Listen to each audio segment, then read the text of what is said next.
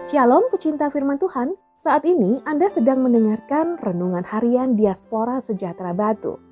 Pembacaan Alkitab hari ini terambil dari kitab Keluaran pasal 6 ayat 27 sampai Keluaran pasal 7 ayat 13. Musa menghadap Firaun. Pada waktu Tuhan berfirman kepada Musa di tanah Mesir, Tuhan berfirman kepadanya, Akulah Tuhan, katakanlah kepada Firaun Raja Mesir segala yang kufirmankan kepadamu tetapi Musa berkata di hadapan Tuhan, Bukankah aku ini seorang yang tidak petah lidahnya? Bagaimanakah mungkin Firaun akan mendengarkan aku? Berfirmanlah Tuhan kepada Musa, Lihat, aku mengangkat engkau sebagai Allah bagi Firaun dan Harun, abangmu, akan menjadi nabimu. Engkau harus mengatakan segala yang kuperintahkan kepadamu, dan Harun abangmu harus berbicara kepada Firaun, supaya dibiarkannya orang Israel itu pergi dari negerinya tetapi aku akan mengeraskan hati Firaun, dan aku akan memperbanyak tanda-tanda dan mujizat-mujizat yang kubuat di tanah Mesir.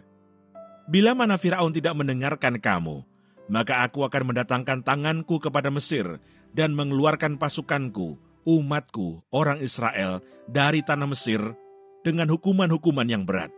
Dan orang Mesir itu akan mengetahui bahwa akulah Tuhan apabila aku mengacungkan tanganku terhadap Mesir dan membawa orang Israel keluar dari tengah-tengah mereka. Demikianlah diperbuat Musa dan Harun, seperti yang diperintahkan Tuhan kepada mereka, demikianlah diperbuat mereka. Adapun Musa 80 tahun umurnya dan Harun 83 tahun ketika mereka berbicara kepada Firaun. Dan Tuhan berfirman kepada Musa dan Harun, Apabila Firaun berkata kepada kamu, tunjukkanlah suatu mujizat maka haruslah kau katakan kepada Harun, ambillah tongkatmu dan lemparkanlah itu di depan Firaun. Maka tongkat itu akan menjadi ular. Musa dan Harun pergi menghadap Firaun, lalu mereka berbuat seperti yang diperintahkan Tuhan. Harun melemparkan tongkatnya di depan Firaun dan para pegawainya, maka tongkat itu menjadi ular. Kemudian Firaun pun memanggil orang-orang berilmu dan ahli-ahli sihir, dan mereka pun ahli-ahli Mesir itu membuat yang demikian juga dengan ilmu mantra mereka. Masing-masing mereka melemparkan tongkatnya, dan tongkat-tongkat itu menjadi ular. Tetapi tongkat Harun menelan tongkat-tongkat mereka. Tetapi hati Firaun berkeras, sehingga tidak mau mendengarkan mereka keduanya, seperti yang telah difirmankan Tuhan. Ayat Mas hari ini diambil dari kitab Keluaran pasal 7 ayat 1. Berfirmanlah Tuhan kepada Musa, "Lihat, Aku mengangkat engkau sebagai Allah bagi Firaun dan Harun abangmu akan menjadi nabimu. Keluaran pasal 7 ayat 1. Renungan hari ini berjudul Musa menjadi Allah bagi Firaun. Manusia dan Allah merupakan dua pribadi yang berbeda jenis. Manusia ada karena Allah. Manusia terbuat dari debu tanah yang kemudian diberi kehidupan oleh Allah.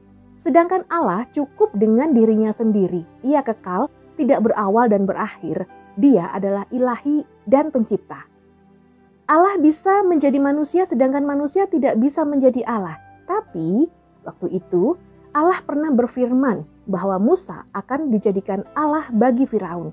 Kalimat ini artinya adalah Musa akan disamakan dengan orang yang memiliki kuasa, wibawa yang patut untuk didengarkan. Firaun pada saat itu juga dianggap sebagai Allah, sehingga Allah yang sesungguhnya harus mengangkat Musa sebagai pemimpin yang sederajat dengan Firaun, sehingga perkataan Musa juga patut untuk didengar. Musa sebenarnya adalah orang biasa, walaupun dia memiliki pengetahuan yang dia dapatkan dari istana Firaun dan dari kehidupan keluarga Yitro mertuanya. Namun kesetaraannya dengan seorang pemimpin seperti Firaun hanya karena pemberian Allah, sehingga tidak ada alasan bagi Musa untuk menyombongkan diri Hal ini menjadi pelajaran bagi setiap anak-anak Tuhan supaya menyadari bahwa kehormatan, kewibawaan, kekuasaan semua datangnya dari Tuhan. Dia memberikan semuanya dengan tujuan supaya namanya dikenal dan dimuliakan oleh sebanyak mungkin manusia.